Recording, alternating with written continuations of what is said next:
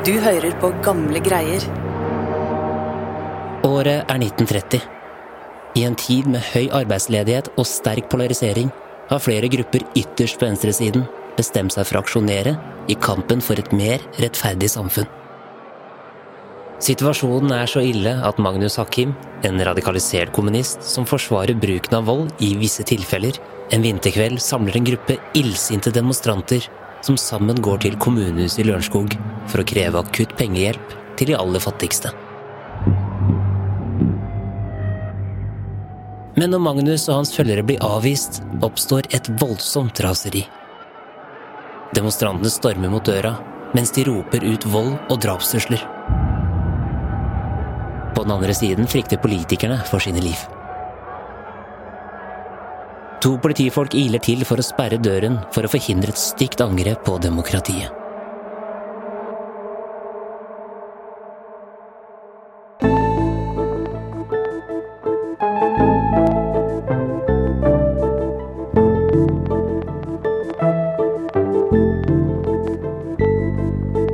Du hører på Gamle greier, en podkast fra Nasjonalbiblioteket. Jeg heter Lars Hammeren Risberg. Dette er andre og siste del om historien om mannen som truet det norske demokratiet. Det er Dang Trind, journalist her på Nasjonalbiblioteket, som skal fortelle historien. Han tar oss med tilbake til februar 1930.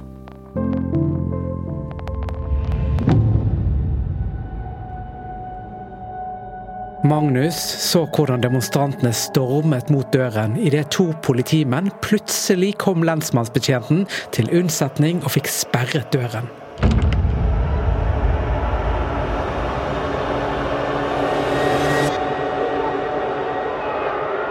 Politimennene hørte folk rope truende 'slå han i hjel', 'kjør kniven i han', mens de prøvde å bryte seg inn.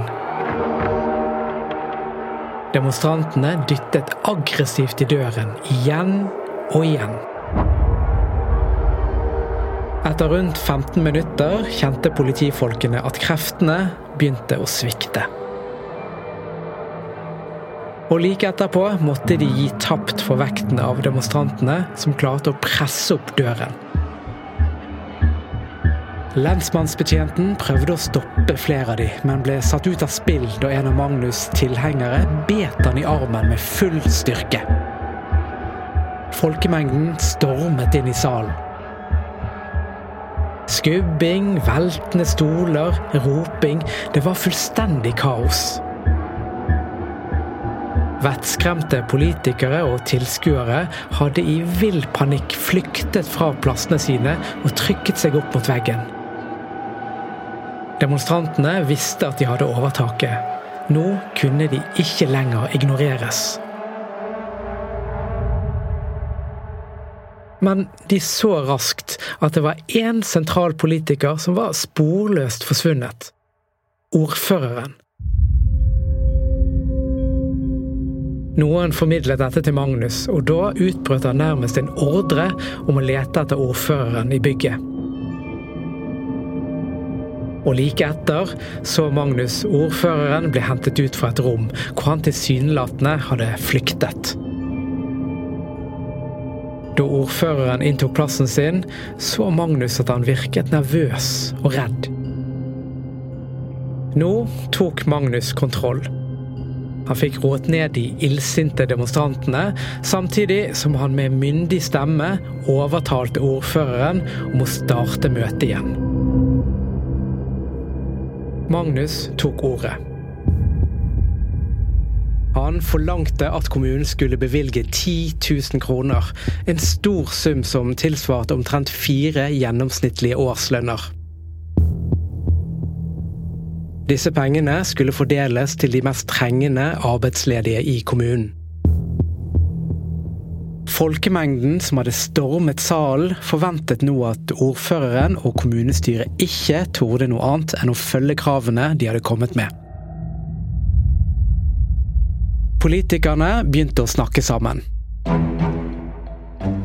Ganske fort kom de inn på at nødbevilgningen av penger til de arbeidsløse ville få store konsekvenser for andre områder i kommunen. Dette var ikke det demonstrantene ville høre. Noen av de svarte med å fyre av banneord mot politikerne, og det var et salig kaos i salen. Ordføreren, som nå må ha fått selvtilliten tilbake, tok opp kampen verbalt. Han dundret mot demonstrantene at det ikke var aktuelt å diskutere videre før de roet seg. Så ga han de en lekse i hvordan lokaldemokratiet fungerte. Dette her var rett og slett uakseptabelt, var han tydelig på, og flere borgerlige representanter støttet ordføreren i det.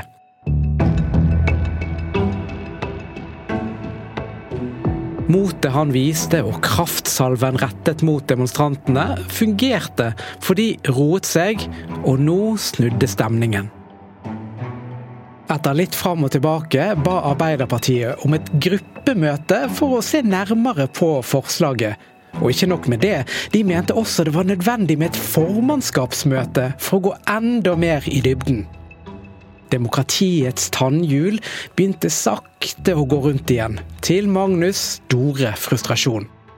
For nå merket han at stemningen fra den opphetede stormingen hadde kjølnet helt i møte med de sindige folkevalgte. Og uansett hvor hardt han prøvde å ta ordet tilbake, så så han at det virket som om flere av de hissigste demonstrantene nå hadde fått kalde føtter. Han måtte gjøre noe.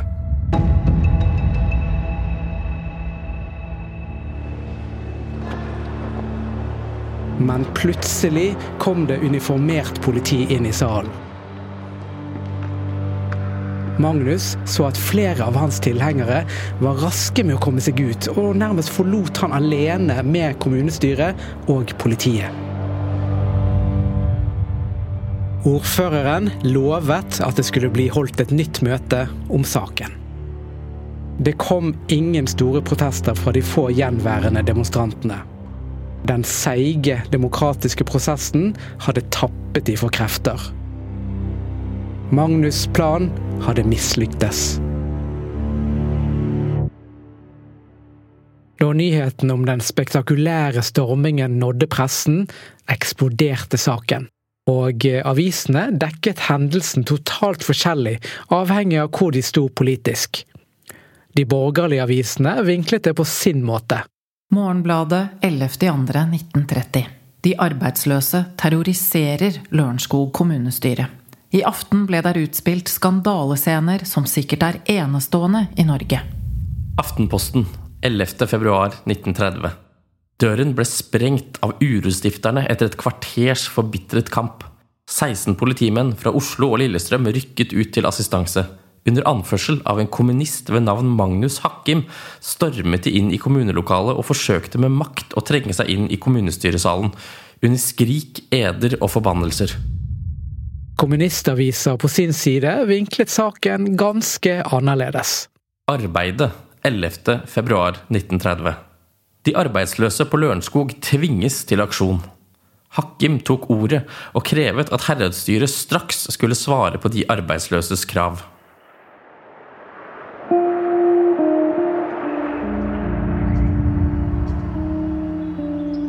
Da den milde vårsolen begynte å varme, og det igjen begynte å spire grønt i naturen, ventet et oppgjør i retten for Magnus Hakkim.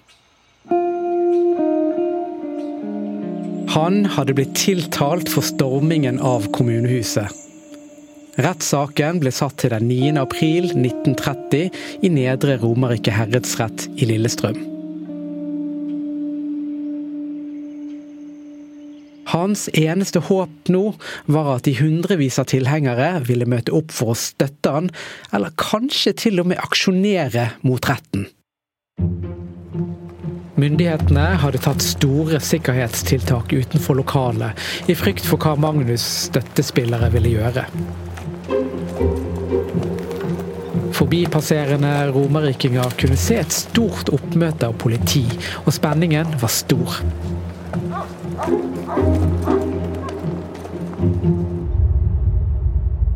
Men da dagen var kommet, ble de overrasket. Dagbladet 9.4.1930. Demonstrasjonen innskrenket seg til at politimesteren fulgte en dame på toget og viftet farvel. på byens torv befant seg ved rettsmøtets åpning klokken ti. En hund og tre unge menn som røkte pipe. Ellers besto folkemassen vesentlig av konstabler som er utkommandert i rikelig mengde for alle tilfellers skyld.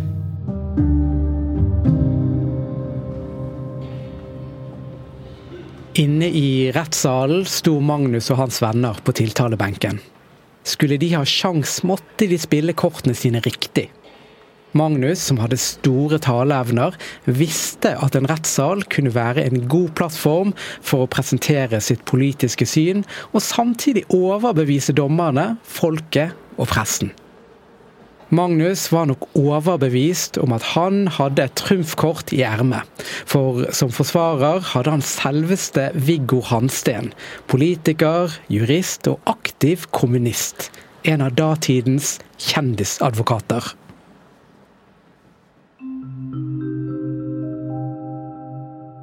Med stort overmot og voldsom ideologisk overbevisning forklarte Magnus og gjengen seg for retten.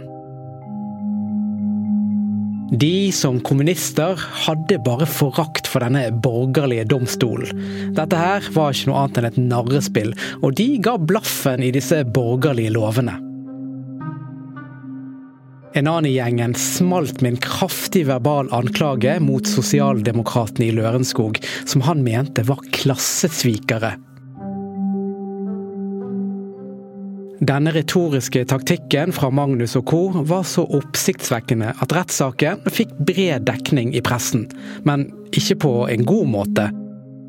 De borgerlige avisene beskrev Magnus og de fem andre tiltalte som arrogante, frekke og påtatt uinteresserte i rettsforhandlingene.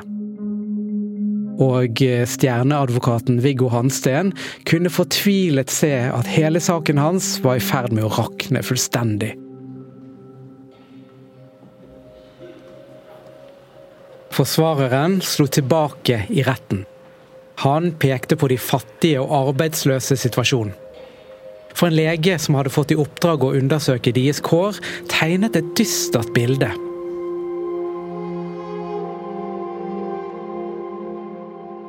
En familie bodde spesielt trangt. Sju mennesker i ett rom som fungerte som soverom, kjøkken og oppholdsrom.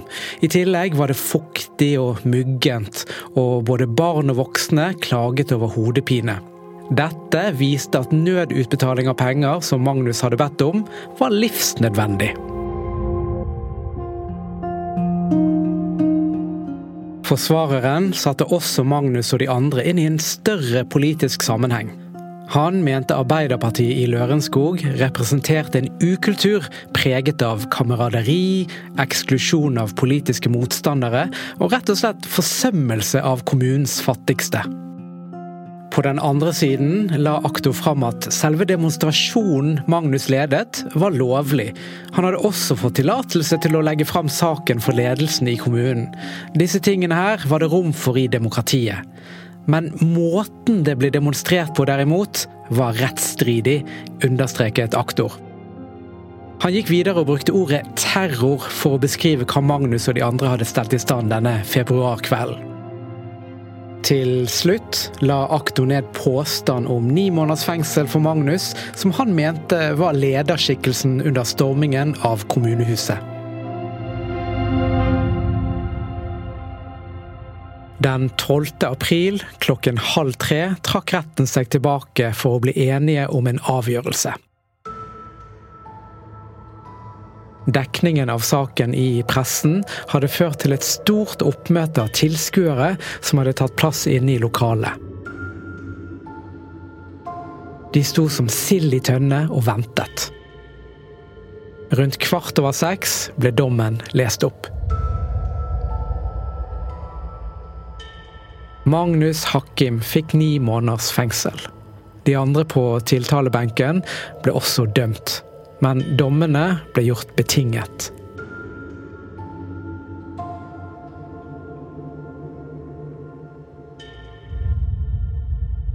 Men verken aviser på venstre- eller høyresiden var fornøyd.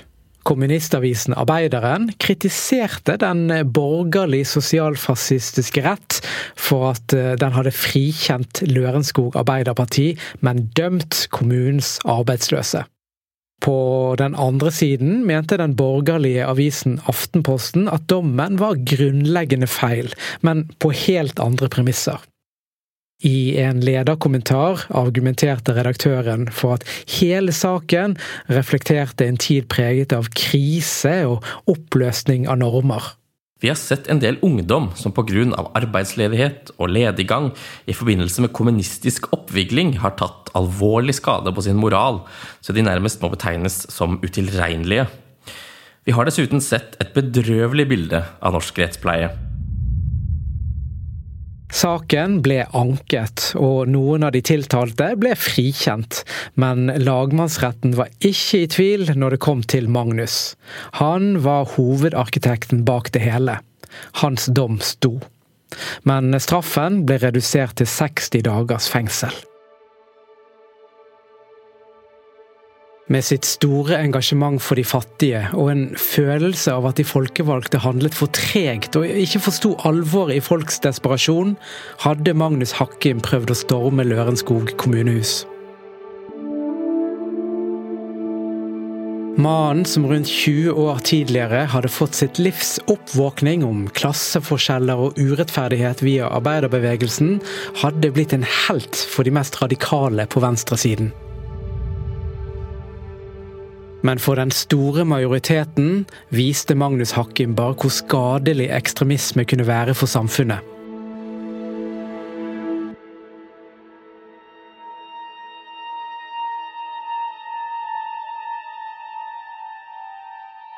I kjølvannet av rettssaken forsvant Magnus Hakkim ut av norsk offentlighet. Det store politiske opprøret var slutt for hans del etter stormingen av kommunehuset på Lørenskog.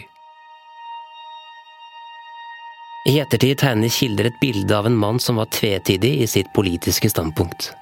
Det er ingen tvil om at han var godt plantet på venstresiden.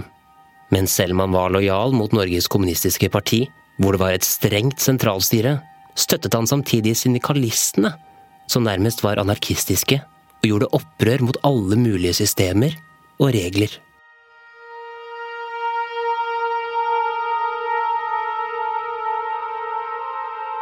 Ettersom årene gikk, mildnet Magnus politisk. Han fant seg til rette i sosialdemokratiet, som han hadde protestert så voldsomt mot, og dyrket heller sin litterære lidenskap, og fortsatte å skrive. Etter hvert strammet tuberkulosen grepet, og Magnus ble lagt inn på Ullern tuberkulosehjem. Der døde han 27. september 1944. Magnus Hakim ble 51 år gammel.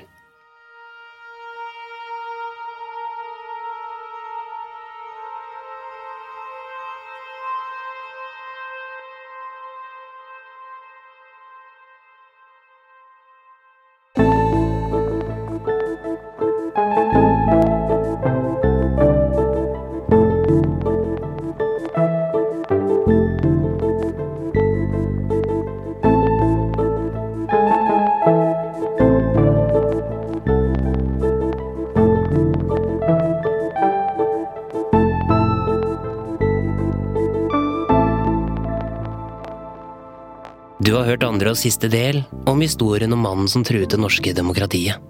Denne episoden er laget av Dangtrin, Ola Alsvik, forskningsbibliotekar ved Nasjonalbiblioteket, og meg, Lars Hamren Risberg. Noen av sitatene i denne dobbeltepisoden er forkortet og moderniserte. Kilder til episoden er Magnus Hakim, den ukjente arbeiderdikteren, trykket i heftet Ringerike 2021 av Asle Giredal. Portrett av en ukjent arbeiderdikter av Asle Giredal, trykket i Årbok 2022. Arbeiderbevegelsens historielag i Akershus. Nasjonalbibliotekets avissamling. Digitalarkivet og Arkivverket. Historisk befolkningsregister. Og artikkelen 'Stormingen av Lørenskog kommunestyre' fra Lokalhistorie-Wiki. Lydklippene du har hørt i episoden, er fra NRK. Musikken du har hørt i denne episoden, er fra Epidemic Sound og Therese Aune. Mitt navn er Lars Hammeren Risberg. På gjenhør.